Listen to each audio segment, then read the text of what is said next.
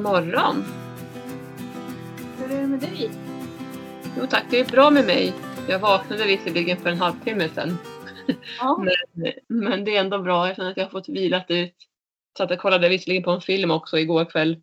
Så det blev ganska sent. Jag tror att jag kanske somnade vid tolv. Men det blev i alla fall sju och en halv timme ungefär. Mm.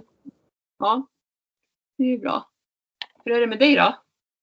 Jo, det är bra. Jag har... Eh, jag brukar ju gå och lägga mig rätt så sent och inte sova så många timmar. Så, eller många, det är väl relativt, men i alla fall sex eller sju timmar brukar jag sova per natt. Igår eh, så var jag ganska pigg på kvällen så då passade jag faktiskt på att baka bröd. Det var väl typ halv tio på kvällen så jag var klar med, med det vid halv tolv tror jag.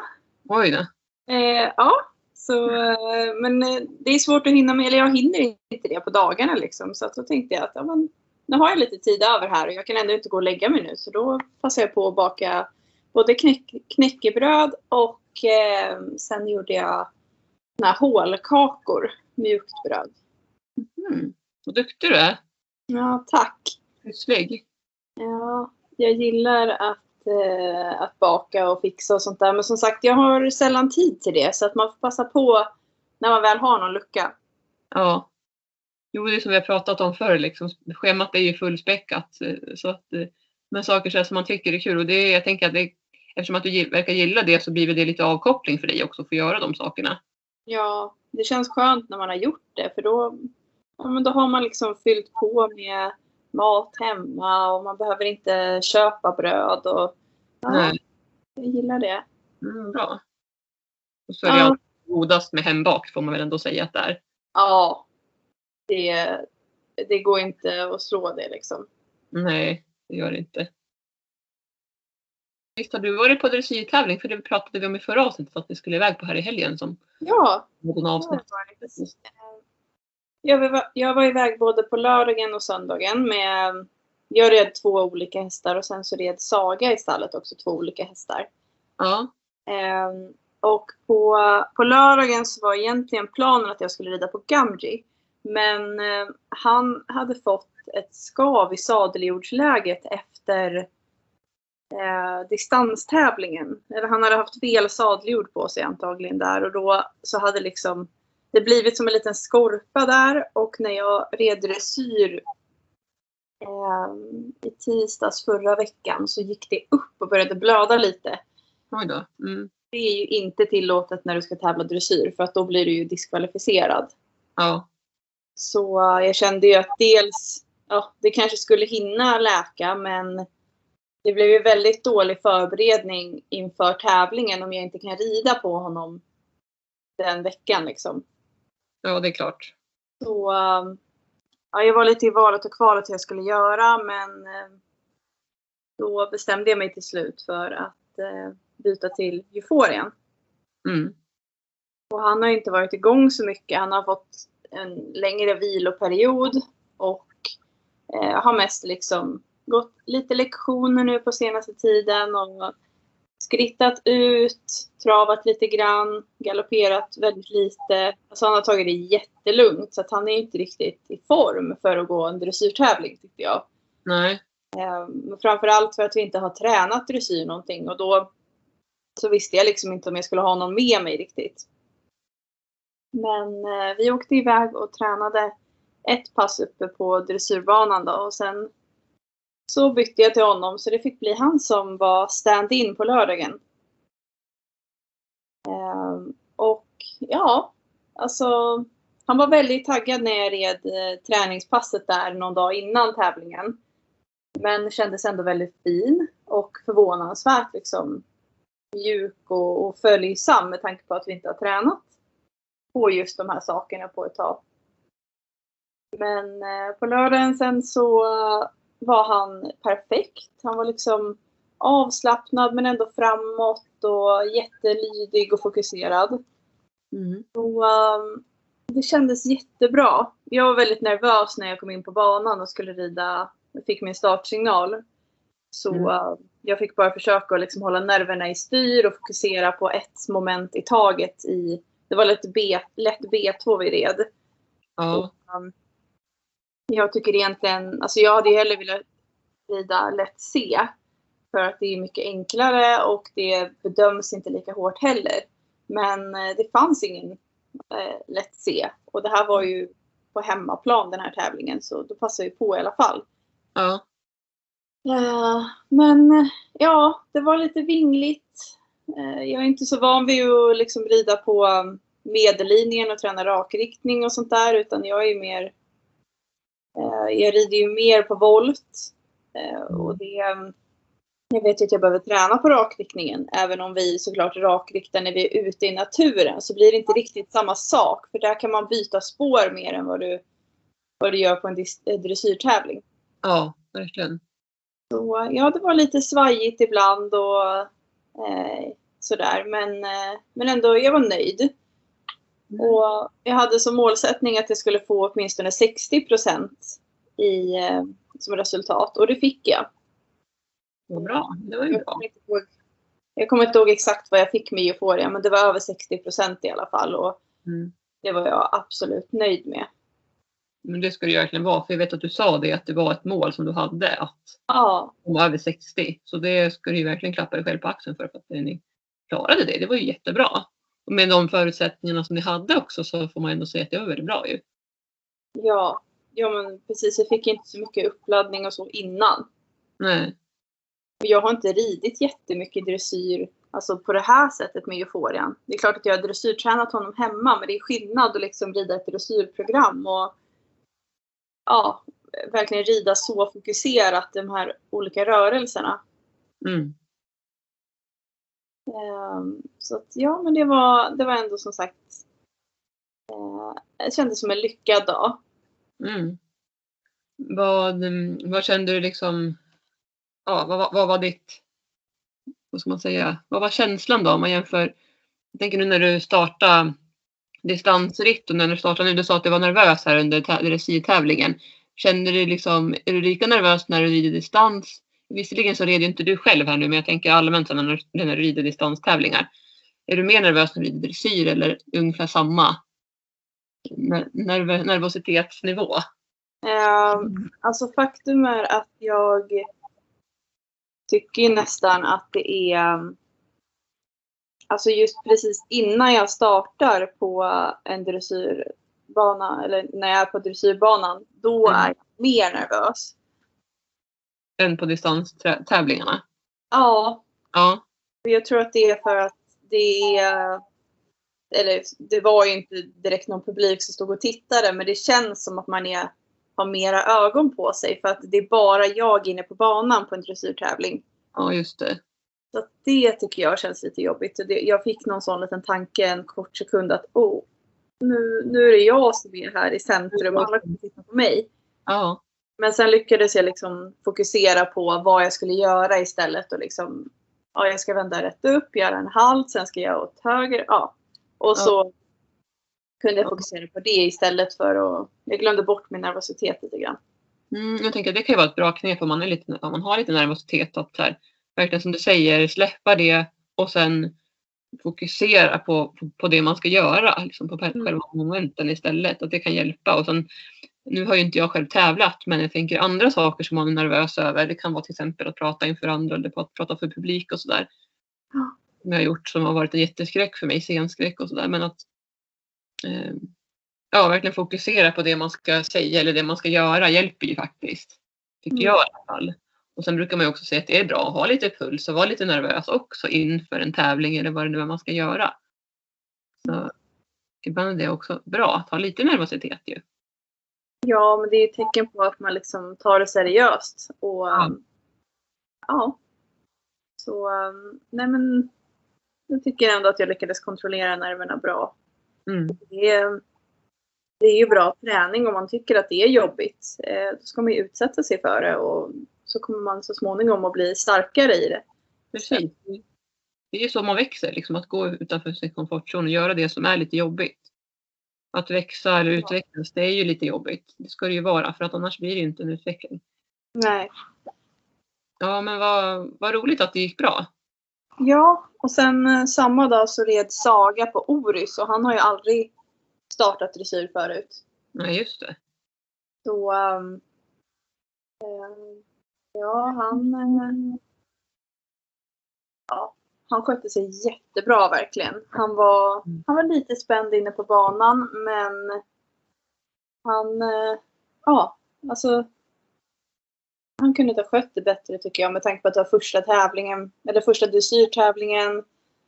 Um, han um, var inte, har inte tränat med att ha domare som tittat på honom och så. Det kan ju vara en grej som de blir lite tittiga av. Ja, verkligen. Alltså det är ju lite annorlunda mot att åka på en distanstävling och det kan vara lite mer ståhej och det är liksom stora hästar som man inte... Det kan de faktiskt bli rädda för ibland. Ja. Eh, Mina hästar är ju väldigt små liksom och de här dressyrhästarna som kan vara upp mot 1,80 kan eh, faktiskt schaman ha blivit rädd för. dem. Ja. Någon- Ja, så att, ja men det, det är mycket nytt och um, med tanke på det så, så är jag jättenöjd med hans prestation. Han, eh, han fick också över 60 procent eh, i, i sitt program och då var det trots att ryttaren råkade rida lite fel och då fick hon avdrag på två poäng. Men trots det så fick han ändå över 60. Bra. Ja, så um, ja, men det känns ytterligare som ett så här tecken eller ett bevis på att han verkligen har mognat och går framåt i utvecklingen. Vad roligt. Alltså, precis som vi pratade om förra avsnittet tror jag att det var det här med distanstävlingen, hur han har utvecklats där och sen också det här med dressyren nu då, att, och första tävlingen och få så bra procent. Det tycker Mm. jag är jättebra jobbat. Ja, Jag verkligen. tror att du är stolt över honom alltså. Ja, det ska bli spännande att fortsätta och eh, utveckla honom i dressyren. Han fick Ja. eh, fina kommentarer och om att ja, om han blir lite stadigare i formen och sådär så kommer han bli kommer det bli ännu högre procent. Ja, Ja, så, kul. ja men det var roligt. Och sen då på, på söndagen så började morgonen lite kaosartat för eh, eh, jag skulle starta klockan kvart över tolv. Mm. Så eh, jag plockade in schaman där vid strax efter tio. Och eh, Saga tog in Caruso som hon skulle rida på. Eh, och så eh, var väl klockan kanske 10-11. Och då så sa jag till Saga någonting om min starttid, att jag startar kvart över tolv. Och då gick hon in på Equip online, då, den här appen som man kan titta på tävlingar och tävlingsresultat i. Mm. Och så sa hon nej, du startar inte alls då. Du startar 11.45. Oj då. Och då var klockan alltså nästan 11. Och eh, vi bor ju bara 10 minuter ifrån tävlingsplatsen som tur var. Men eh, det blev ju ändå lite skrik och panik och bara va? Har de ändrat startlistorna? För jag är helt säker på att jag skulle starta kvart över 12. Så det måste ha blivit någon justering eller någon som plockades bort. Eller så, alltså jag tror inte att jag kan ha rört ihop det så mycket liksom. Utan jag, ja, jag var helt säker på att det var kvart över tolv. Men det visade sig att det var en halvtimme tidigare så vi fick ju bara eh, Ja, jag hade inte bytt om till mina vita ridbyxor och sådär så jag fick ju springa in och byta om till dem snabbt och sen bara på med transportskydd och sånt på hästarna och så åkte vi. Ja. Eh, Men vi kom faktiskt fram i ganska god tid så jag hann rida fram schaman i typ 25 minuter kanske innan jag skulle starta. Ja, okej, det gick bra i alla fall då. Ja, det blev ingen bra uppladdning. Nej, jag förstår det. Men eh, så kan det vara och det är ju så här nybörjarmisstag. Man, alltså när man rider distans har man ju, man vet ju sin starttid när man anmäler till tävlingen ofta. Eh, Mm. Men på en dressyrtävling då måste du ju gå in och titta hur startlistan uppdateras och så för de kan ju faktiskt justeras ända fram till typ kvällen innan tävlingen. Mm. Och eh, ja men som sagt, det var ett misstag av mig. Jag hoppas att jag har lärt mig av det så att jag kommer komma ihåg att gå in och titta på starttiden en sista gång på kvällen innan. Ehm, men uh, schaman och mitt, vårt, vårt, eh, vår största utmaning var ju att man måste ha bett på när man ska tävla dressyr. Just det. Jag rider ju aldrig schaman med bett för att han trivs inte med det. Eh, han, ja, han har eh, haft problem med tänderna för många, många år sedan när jag köpte honom. Då hade han nött ner tänderna längst bak eh, för att han har sugit på bettet och det har skavt emot och antagligen är det dels därför som han inte tycker om att ha bett för att han minns det här obehaget. Ja. Eh, men jag hade i alla fall nu inför tävlingen provat lite olika och kommit fram till att han faktiskt gick väldigt bra med ett Nova-bett. Mm. Det är ett sånt här bett som är helt i gummi. Eh, och ska sägs vara väldigt snällt och mjukt. Mm. Så, eh, jag hade då ett rakt Nova-bett i, på schaman och ett Miklem-träns som, eh, som han också trivs väldigt bra med. Det är också anatomiskt utformat och så. Eh, jag upplever att han gillar det tränset. Vad bra. Ja, eh, för det han brukar kunna göra annars är att han liksom rycker mycket i tyglarna och alltså rycker loss tyglarna ur händerna och håller på att sticka ut tungan och sånt där när man har bett i munnen. Men Mm han, jag fick en bra kontakt med honom. Han höll inte på och fipplade med tungan så mycket heller. Så det kändes bra på framridningen. Sen kom vi in på banan och ja, men då var han lite spänd. Och vi har inte startat dressyr sedan 2018. Eh, så ja, det är klart, det var liksom lite nytt och lite spännande och sådär. Och dessutom så hade ju han Caruso med sig på tävlingsplatsen och Shaman är ju väldigt fäst vid sina kompisar så han skulle ju gnägga efter honom och sådär också. Mm. Men vi red programmet. Eh, fick inga direkta större missar annat än att eh, Shaman var lite spänd och gick emot handen till och från. Liksom tog upp huvudet lite grann. Tappade formen. Så eh, när jag gjorde min halt i slutet och liksom hälsade, tack, tackade domaren så var jag jättenöjd. Mm. Och jag hade samma mål med honom, 60 procent. Eh, och jag fick 59,667 tror jag. Oj. Ja, så det var väldigt nära i alla fall. Ja, det var det verkligen. Men jag hade också sett i resultatlistan innan jag startade att den här domaren verkade döma mycket hårdare. Det var en annan domare än den jag hade på lördagen. Okej. Mm. Ehm, och hon hade dömt flera av dem som startade båda dagarna, samma program, hade fått liksom 4 till 6 procent lägre den här dagen Mm. än vad domaren dagen innan dömde. Så att jag visste ju att troligen kommer det vara hårdare bedömning med den här domaren.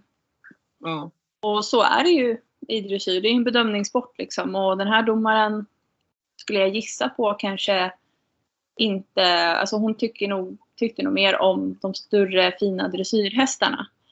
Um, och Shaman, han är ju liksom en arab. Han är lite kort, eller han är väldigt mycket kortare i steget än vad en stor dressyrhäst är. Så um, vi fick mycket kommentarer om att han var hade för kort ste korta steg, att han blev lite spänd i ryggen och ditten och datten liksom. Och, Ja. ja, jag lägger inte så mycket vikt vid det utan jag går på känslan jag hade och jag var ändå väldigt nöjd liksom. Ja, jag tänker skulle säga det, liksom, att det är det som är det viktiga, att känna in känslan och själv utifrån vad man har för förutsättningar. För där har ju alla lite olika och som du säger, ra rasen spelar ju faktiskt också lite roll där. Utseendemässigt och så, tänker jag.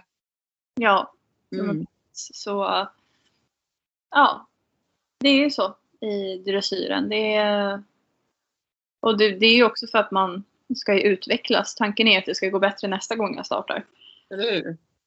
Men ehm, nej, alltså det var ju lite svårt att starta lätt B2. Um, lätt C hade ju varit mycket mer lämpligt för mina hästar eftersom att de inte är dressyr.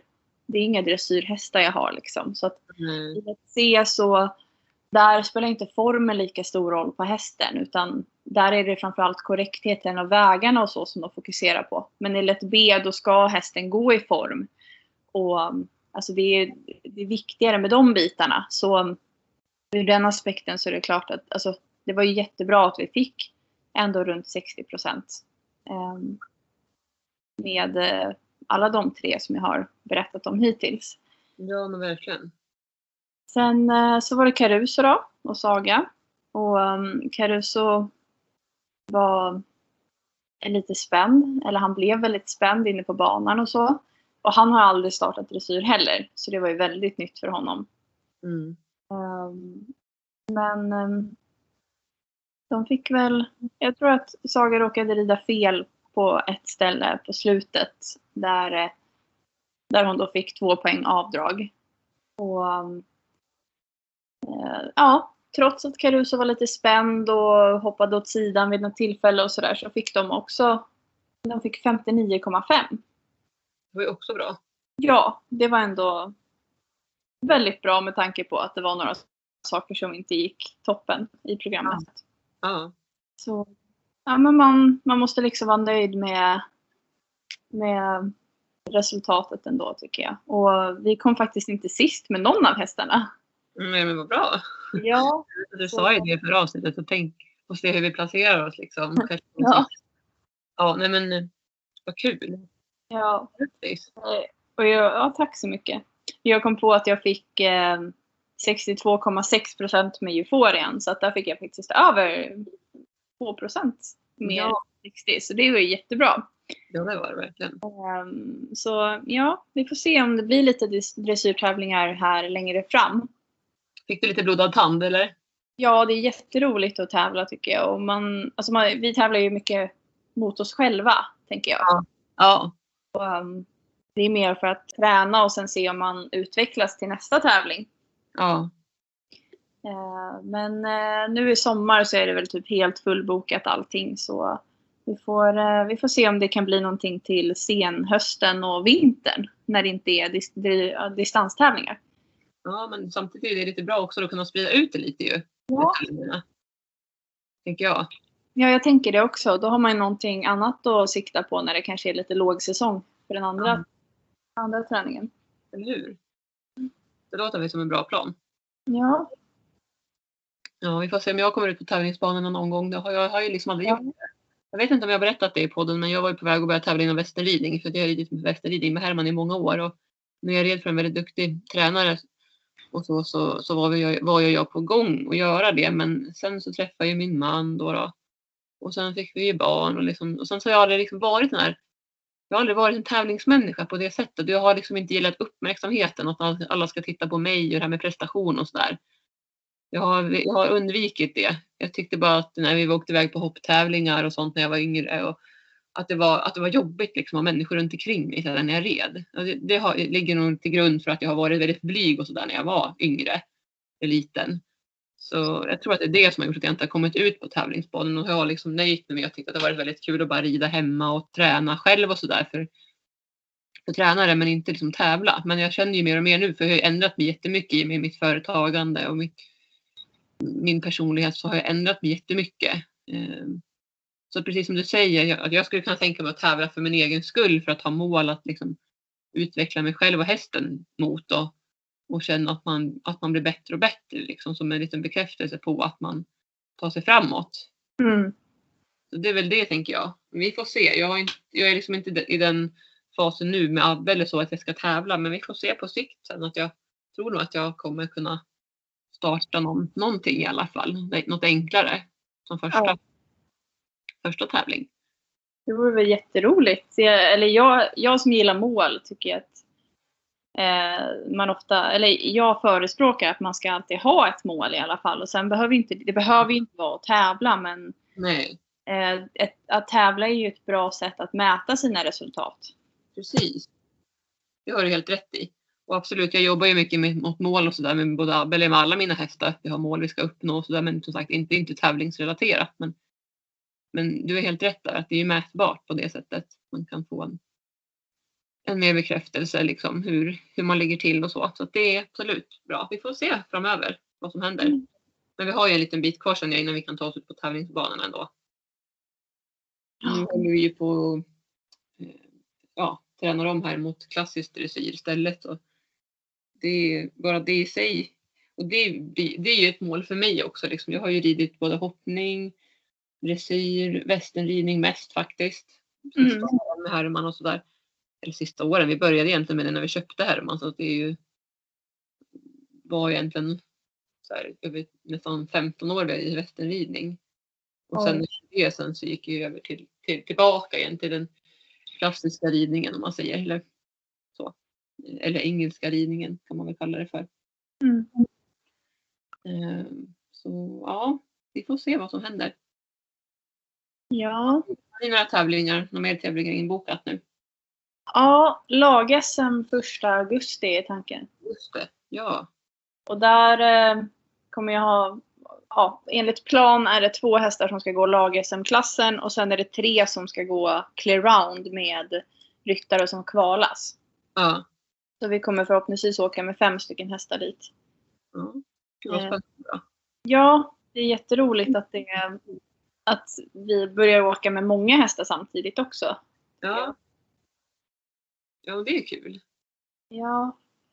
Så, um, det är väl det som är härnäst och sen blir det troligen, det blir minst en till tävling i augusti, eh, eventuellt två om jag åker till Norge också. Så um, ja, sen är det någon tävling, några tävlingar i september och en i oktober tror jag. Och det är väl de distanstävlingarna som vi har resten av året. Sen får vi se om det blir lite dressyr sen efter det.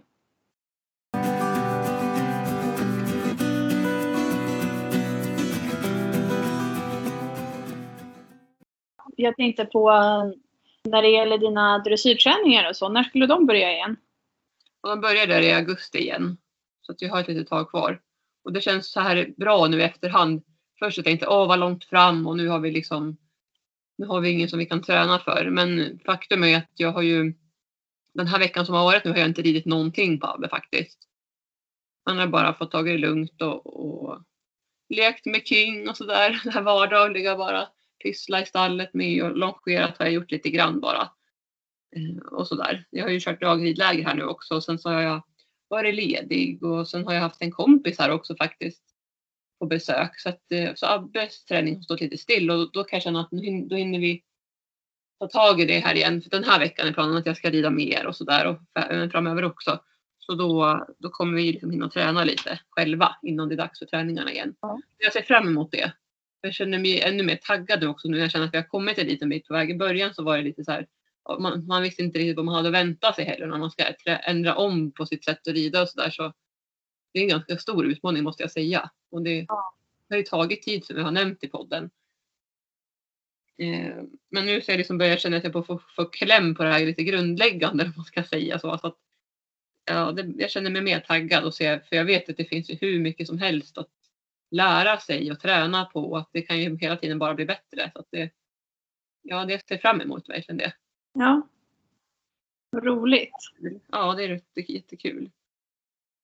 Eh, och den här kompisen som jag berättade om som var och red hos mig, vi har inte träffats på ganska länge faktiskt och vi har fått upp kontakten igen vilket är jättekul. Och hon har ju då själv här nu sagt att hon vill, hon vill börja på ridskola. Men hon har faktiskt inte fått tag på den ridskolan där hon har hört av sig. Och jag kan säga, det, ligger, det är inte här där jag bor utan det är lite längre bort. Um, så hon har inte fått tag på dem och då sa hon till mig så att ja, men Marie, kan jag, skulle, skulle du kunna tänka dig att ta dig an mig att jag får testa att rida på dina hästar? Jag bara, men absolut, för om vi utgår från det så är ju Herman den perfekta Ja. när man är nybörjare att rida på. Eh, Så vi gjorde så att hon kom på onsdagen och stannade till torsdagen. Så att på, tors på onsdagskvällen, först hade vi egentligen tänkt att vi skulle rida ett pass då på torsdagen på, på förmiddagen för då skulle det vara bättre väder. Men sen redan på onsdagen så blev det ganska bra väder på kvällen så då sa jag till henne, men vill du rida nu? Och då var klockan halv åtta. Mm. Och ja, men varför inte? Vi kör liksom. Och det var första gången hon satt på häst någonsin och hon är 31 år. Eh, Wow det är ganska häftigt faktiskt. Hon var verkligen superduktig. Det var, jag sa det, det är nästan naturbegåvning det här för att hon satt jättebra och hon var väldigt så här, avslappnad. Hon sa också att hon kände sig liksom inte rädd eller så. Eh, och eh, ja, men jag tycker det var jättekul och det var väldigt kul liksom att liksom få lära ut till henne som vuxen. För att annars är det ju barn som jag har erfarenhet av att lära ut till, liksom barn. Och jag har haft några enstaka vuxna ryttare som har kommit och ridit hos mig på Herman tidigare för något år sedan eller två. Eh, Så det var, det var lite, lite spännande det här. Att få göra det här. Så, och sen så på torsdagen så red vi igen då. Till och med så att vi kunde rida ner en liten sväng till, till Sommarhagen och så också gjorde vi. Men vi började ju först på, på ridbanan i skritt och allt det här basic liksom. Eh, och Det är så mycket, man inser det när man ska lära, lära någon helt från början så inser man hur mycket det är man ska lära sig. Mm. Men det gäller också att inte ta för mycket på en gång. Så. Eh, och ehm, ja, sen så fick hon trava lite grann också då. Och då blev det genast mycket svårare. Det sa vi ju hon liksom själv också. Att hon trodde väl inte riktigt att det skulle vara så, mycket, så pass svårt. För på onsdagen där första gången när hon red på kvällen då skrittade vi bara och sen så ville hon senare göra det på Herman och då skrittade jag och travade och galopperade. Och Mm. då hon sa, men kan jag också få göra det? Så här, galopp, trav och galoppera. Ja, vi får se imorgon hur du känner liksom. Jag, jag vill inte vara någon sån där glädjedödare och säga att nej men det kan vi inte göra för det är för tidigt. Utan det är, så här, det är upp till var och en. För man vet ju inte heller. En del har ju liksom verkligen fallenhet för mycket. Och, Ja. och så. Ehm, men vad heter det, så då sen dag, dag två då, då skrittade vi och travade. Det, liksom, det räckte ju bra. Så det var svårt att få till lättridningen. Mm. Och det brukar ju ofta vara. Så lättridningen brukar ju vara rätt svår. Att få in takten och känna känna in rätt och bara sitta på rätt sittben och så. Det är jättesvårt att liksom få in känslan hur man ska ställa sig upp i stilbrädan. Eller hur man ska, egentligen ska man inte ens stå i stilen när man ska verkligen hitta hållningen främst. Och, Mm. och på ett snyggt sätt kunna rida lättridningen. Så det var en utmaning. Så vi kom aldrig till någon galopp. Men det får vi ju se på sikt. Det jag säger, det är, man ska inte ha bråttom. Det tar tid att lära sig rida. Ja. Och för oss som, som lyssnar på podden som, som har ridit länge så vet vi ju att man blir i stort sett aldrig fullärd. Det, det är ju verkligen viktigt också att förmedla det när, när man är nybörjare, att man förstår det. För att när man tittar på någon som har ridit länge så ser det ju oftast väldigt enkelt ut. Ja, Det ser precis. ju lätt ut. Och, och ja, förstå att det tar ju tid liksom. Och inte ha för bråttom men att man, att man eh, gläds åt sina framsteg. Så att hon fick jättemycket beröm och hon ska komma tillbaka här om ett par veckor igen. Och sa vi att du får börja här hos mig och rida. Och, och så får vi se sen. Och det är jättekul. Det verkar som att hon tyckte att det var kul. Och hon fick ju följa med mig till stallet sen på kvällen och in Abba och King och sådär. Ja, men pyssla med dem. Hon sa att liksom, hon tyckte allt var kul. Så det är Härligt. roligt att höra. Ja, verkligen. Och just det här att ha ett intresse också när man är vuxen, det tror jag är väldigt viktigt. Vi pratade om det att många gånger så, så är det många som kanske inte har intresse så. Alltså så här, riktigt, ett hästintresse är ju verkligen ett rejält intresse får man väl säga. Ja. Utan att klanka ner på andra kanske så men eh, ja, så det jag tycker är att det, det är verkligen ett sunt intresse och väldigt kul också om man kan ta upp det i vuxen ålder. Det behöver inte vara att man börjar rida när man är barn utan man kan göra det när man är vuxen. Och jag tycker det är roligt också. Jag verkligen uppskattar det och tycker att det är verkligen, hon ska verkligen ha cred för det att hon tar tag i det trots att hon är vuxen. För många kanske tänker att nej men det är för sent nu. Eh, ja, det blir svårt att lära sig och det ska man också veta att det är oftast svårare. Oftast, det behöver inte alltid vara det, men det är ju oftast svårare att lära sig vidare när man är vuxen. Man är mer följsam och smidig och sådär när man är barn. Oftast i alla fall. Sen finns det förstås undantag. Ja, det, men det är som du säger, många barn har ju ofta lättare för att lära sig. Jag vet inte om det är att de, nej men jag vet inte. Det är bara, de är typ mer formbara liksom. Ja, det känns lite så. Och ju äldre man blir så drar man ju på sig lite mer snedheter och sådana saker. Och, och min kompis hon har också tre barn och sådär och har fött barn ganska tätt och så. Så det, det är klart att det också påverkar kroppen. Och jag menar, ja. Det, det är eh, mycket som kan spela in där. Och alla är individuella och sådär. Men det gick väldigt bra så det var kul. Ja. Vad roligt. Och hon, eh, vad, vad hade hon liksom för spontana tankar och så om när hon började rida? Vad kände hon liksom? Ja men hon var bara så taggad och tyckte att det skulle bli jättekul att bara få sitta på en häst och, och liksom Ja, liksom bara få testa och se hur det var och sen så har hon ju känt att hon vill börja rida på ridskola. Mm. Dels för att ha ett intresse som sagt men också för att det verkar så kul att rida. Och just det här samspelet med hästen och så. Eh, så att hon hade ju liksom vad ska man säga? Det, man kan inte säga att hon inte hade förväntningar för det är klart hon hade förväntningar men hon var bara väldigt glad att få prova rida för första gången. Och, och liksom, självklart också pratade vi lite grann att hon var lite liksom också nervös över att hur, ja, men hur det skulle kännas. Hon ville ju verkligen att hon skulle tycka att det var kul. Så att när hon sen hade suttit upp och kände att åh gud, hon sa verkligen att det var kul det var, vad roligt det är att rida. Så kändes det som att det blev liksom en lättnad att hon verkligen tyckte att det var kul. För att det kan ju vara så att man, man rider första gången att man känner det här var inte alls vad jag hade tänkt mig. Eller och att det här var svårt. Och, det beror ju verkligen på hur man är som person också tror jag. Ja. Så ja, hon var jättenöjd efteråt. Sen så har jag haft dagridläger och så här också då. Veckorna som har varit här. Har du dagridläger varje vecka? Ja, varje vecka nu har jag haft, haft det måndag, tisdag. Och även någon torsdag och någon vecka någon fredag. Den här veckan har jag dagligläger måndag, tisdag, torsdag. Så Okej. Är ganska mycket faktiskt ändå får man väl säga. Men det är bra att hålla igång både Herman och Ingis och jag märker att båda hästarna har blivit mycket starkare och även på bättre humör ska jag säga. Gingis har varit vä- väldigt pigg. Han, har, han var ju så himla pigg där ett tag då när han fick sin eh, magsårsmedicin efter det och så. Eh, Och sen så jämnade det ut sig. Han har varit väldigt pigg och glad och positiv. Det har han absolut varit. Men han har inte varit så där en, energirik som han var tidigare och du vet bockade och höll på och var jättebusig och bara sprang. Mm. Men så har han varit det här igen lite grann i perioder och det går ju också lite upp och ner med hans humör, med hans sjukdom, Cushings. Ja, just det. Eh, ja, så att det så att nu har han varit väldigt pigg igen här och sen så gjorde jag faktiskt som så, apropå det här med bett som du pratade om att du hade på Nova bett.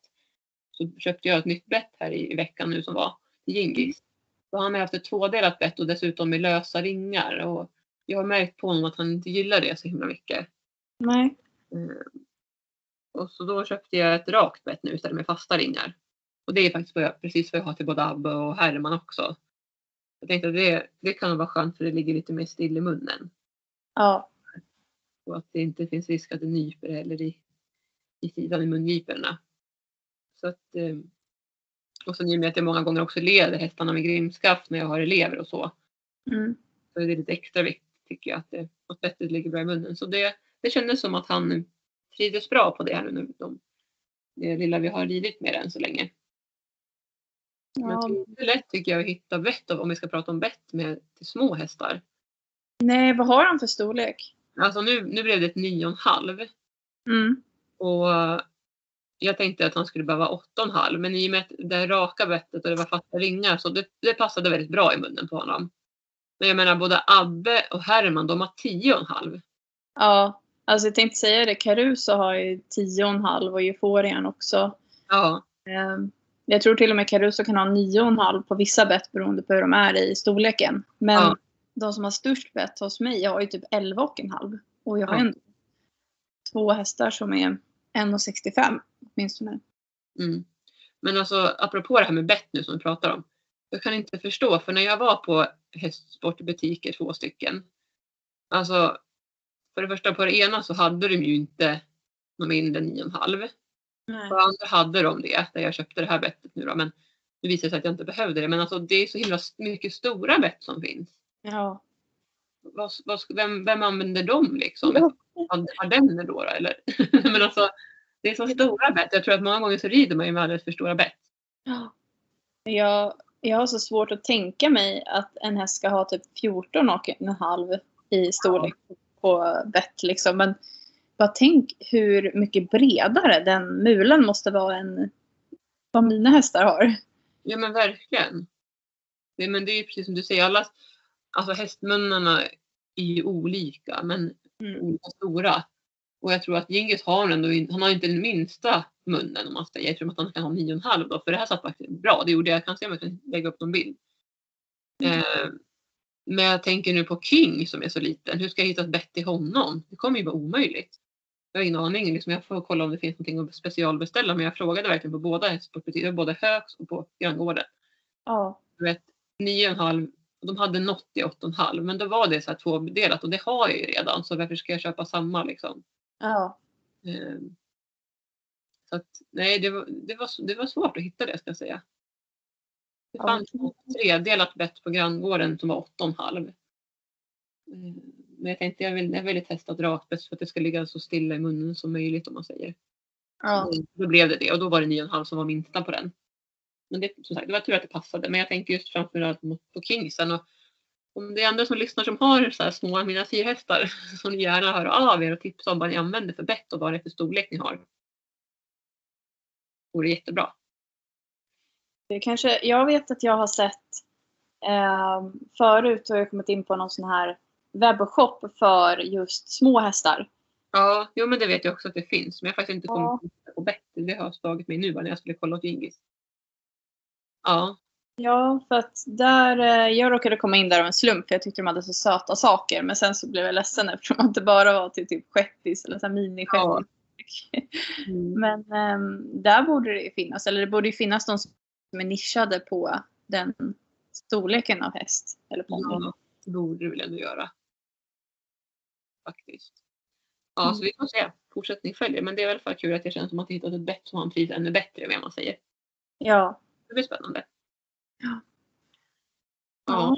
Vad härligt att det är härligt att du liksom har börjat tänka i de banorna kring utrustningen för King också. Att det liksom är det känns som det börjar vara på gång lite utbildning om honom, eller? Ja, alltså han är ju bara ett år så att det, men vi tränar ju basic, så här, leda honom på ridbanan och vi tar lite småskott över några bommar ibland och sådär.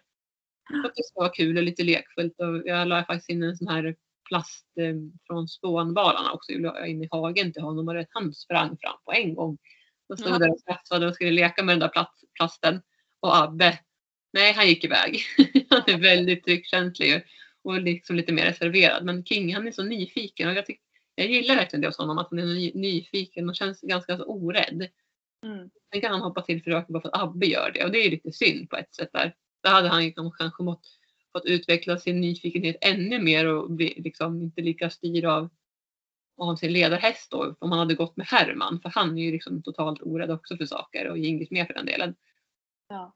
Så på så sätt så kan, är det väl lite synd att han går med Abbe som är lite lättskrämd för saker. Och sen så klarar ju Abbe den här plasten jättebra om jag skulle ta honom i ett ledrep och hålla honom och träna liksom så. Nu har vi inte gjort det på ett tag så jag tror att det var därför också den där plasten kom in och han känner varför ska jag hålla på med den där? Det är bättre att gå iväg liksom så. Nej, men så, att, så King eh, han är jätterolig att jobba med. Vi, vi får väl se här men jag börjar titta på, som sagt på utrustning. Vad, vad som finns för att det är ganska så nytt att ha en så pass liten häst. Liksom. Jag har ju aldrig haft det och har ju lite dålig koll på vad som finns. Men eh, jag vet inte om jag har sagt det. här. Jag mätte ju honom. Har jag nämnt det i podden? Det vet jag inte riktigt. Ja, men jag kan säga det igen ifall att, ifall att jag inte har sagt det. Eh, men jag tog en tumstock och mätte honom på stallgången och det är ju inte rätt och riktigt så men på ett ungefär. Och då fick jag att han var 87 centimeter redan. Han är bara ett år. Hans Ja. mamma är 84 centimeter. Hon är fem. Oj. Så ja, jag vet inte vad, vad det är för korsning jag har. en miniatyr eller om pappan kanske är någonting annat. Så det tror jag i alla fall att jag har sagt att mamman är amerikansk miniatyr och pappan är okänd. Mm. Så vi får väl se om han eh, växer och kanske blir ganska stor. Jag tycker till och med att det känns som att han har vuxit sedan han kom hit. Eller så är det bara för att jag börjar vänja mig med hans storlek och sådär. Jag vet inte. Och att han har ändrat lite päls, päls och sådär. Och har fått sin sommarpäls nu liksom. Eh, Jag har ingen aning men det känns i alla fall lite så här. Jag är lite fundersam på vad, vad han kommer stanna på för mått. Ja, vad spännande. Och, alltså, om han är ett år. Jag har dålig koll på hur mycket de växer och sådär. Men Ja. Jag har försökt att kolla på det också, googla lite grann och har väl inte fått så jättemycket information. Mycket växer de ju där upp till ett, två års ålder, så det gör de ju. Och, men jag vet ju också att generellt så brukar hästar växa till en fem år i alla fall. Däromkring. Så att eh, svårt att säga liksom, hur mycket han kan dra iväg på höjden. Att han kommer bredda sig, absolut, det kommer han ju garanterat göra. Men höjdmässigt, det känner jag mig ganska osäker på. Jag vet inte alls vad han kan landa på. nej. Bara för det så har jag inte exakt måttet i huvudet vad en amerikansk miniatyrhäst får vara. Men det är någonting på max 96 centimeter tror jag att det är. För att få räkna som koncentrerad. Alltså nu är han ju inte renrasig så det spelar ingen roll så. Men det är ändå lite intressant eh, att se. Mm. Så fortsättning följer. Ja, Ja. kul med en sån ung häst. Och som Ja. man får ja, det är roligt att få forma honom. Han är verkligen mysig och social häst. mm. Han svensk ganska så orädd. Så jag tror att det känns som att han kan lämpa sig för körning. Jag hoppas verkligen det. För att det vore ju jättebra om man kan göra det med honom. Mm. Så, och jag menar, nu till exempel, jag leder ju of- ofta honom tillsammans med Abbe. Och han känns inte alls liksom bakskygg för att det händer ju ganska ofta att grimskaftet från Abbe hamnar på rumpan och liksom lite kors och tvärs och de kliver över ibland när de står och betar och så, här, så att Han känns inte alls någon bakskygg eller sådär och det är ju bra. Sen är det klart att han är ju bara ett år så att man kan säkert förändra sin personlighet lite grann också ju äldre han blir och sådär. Men eh, ofta när de är små så, där, så kan de ju vara ganska tuffa och lite orädda och lite så här. Ja, vad ska man säga? Så kanske inte alltid förstår sitt bästa. Sen kan det ju utvecklas på ett eller annat sätt åt olika håll. Men jag tänker också att det med, eftersom att man tränar honom i, när han är runt ett år och liksom så att man tränar honom på olika saker så kommer ju det stärka honom. Och den formar lite av hans personlighet förstås. Ska vi säga så för den här veckan? Ja, vi gör det. Ja. Jag ska ha dagridläge nu. Vad ska du göra Josefin? Jag ska faktiskt eh, ta och äta lite sen frukost. Äta mitt nybakta, eller det är inte nybakt längre men mitt hembakade bröd. Mm. Eh, och så sen lite senare så ska jag ut och träna, rida ut. Fixa lite här hemma och sen har jag en ridelev idag som är rätt ny här faktiskt. Så att hon ska komma och rida och sen så ska jag förbereda mig efter det för att jag ska hålla en föreläsning om distansritt online. Mm. Gud vad spännande. Ja, men det ska bli jätteroligt och det är det är en ridklubb uppe i norr som har anlitat mig och det är väl i alla fall 20 stycken som skulle lyssna eller något sånt tror jag. Så det ska bli jätteroligt och de kan inte alls mycket om distansritt så um, jag hoppas att jag kan inspirera och även dela med mig av min kunskap.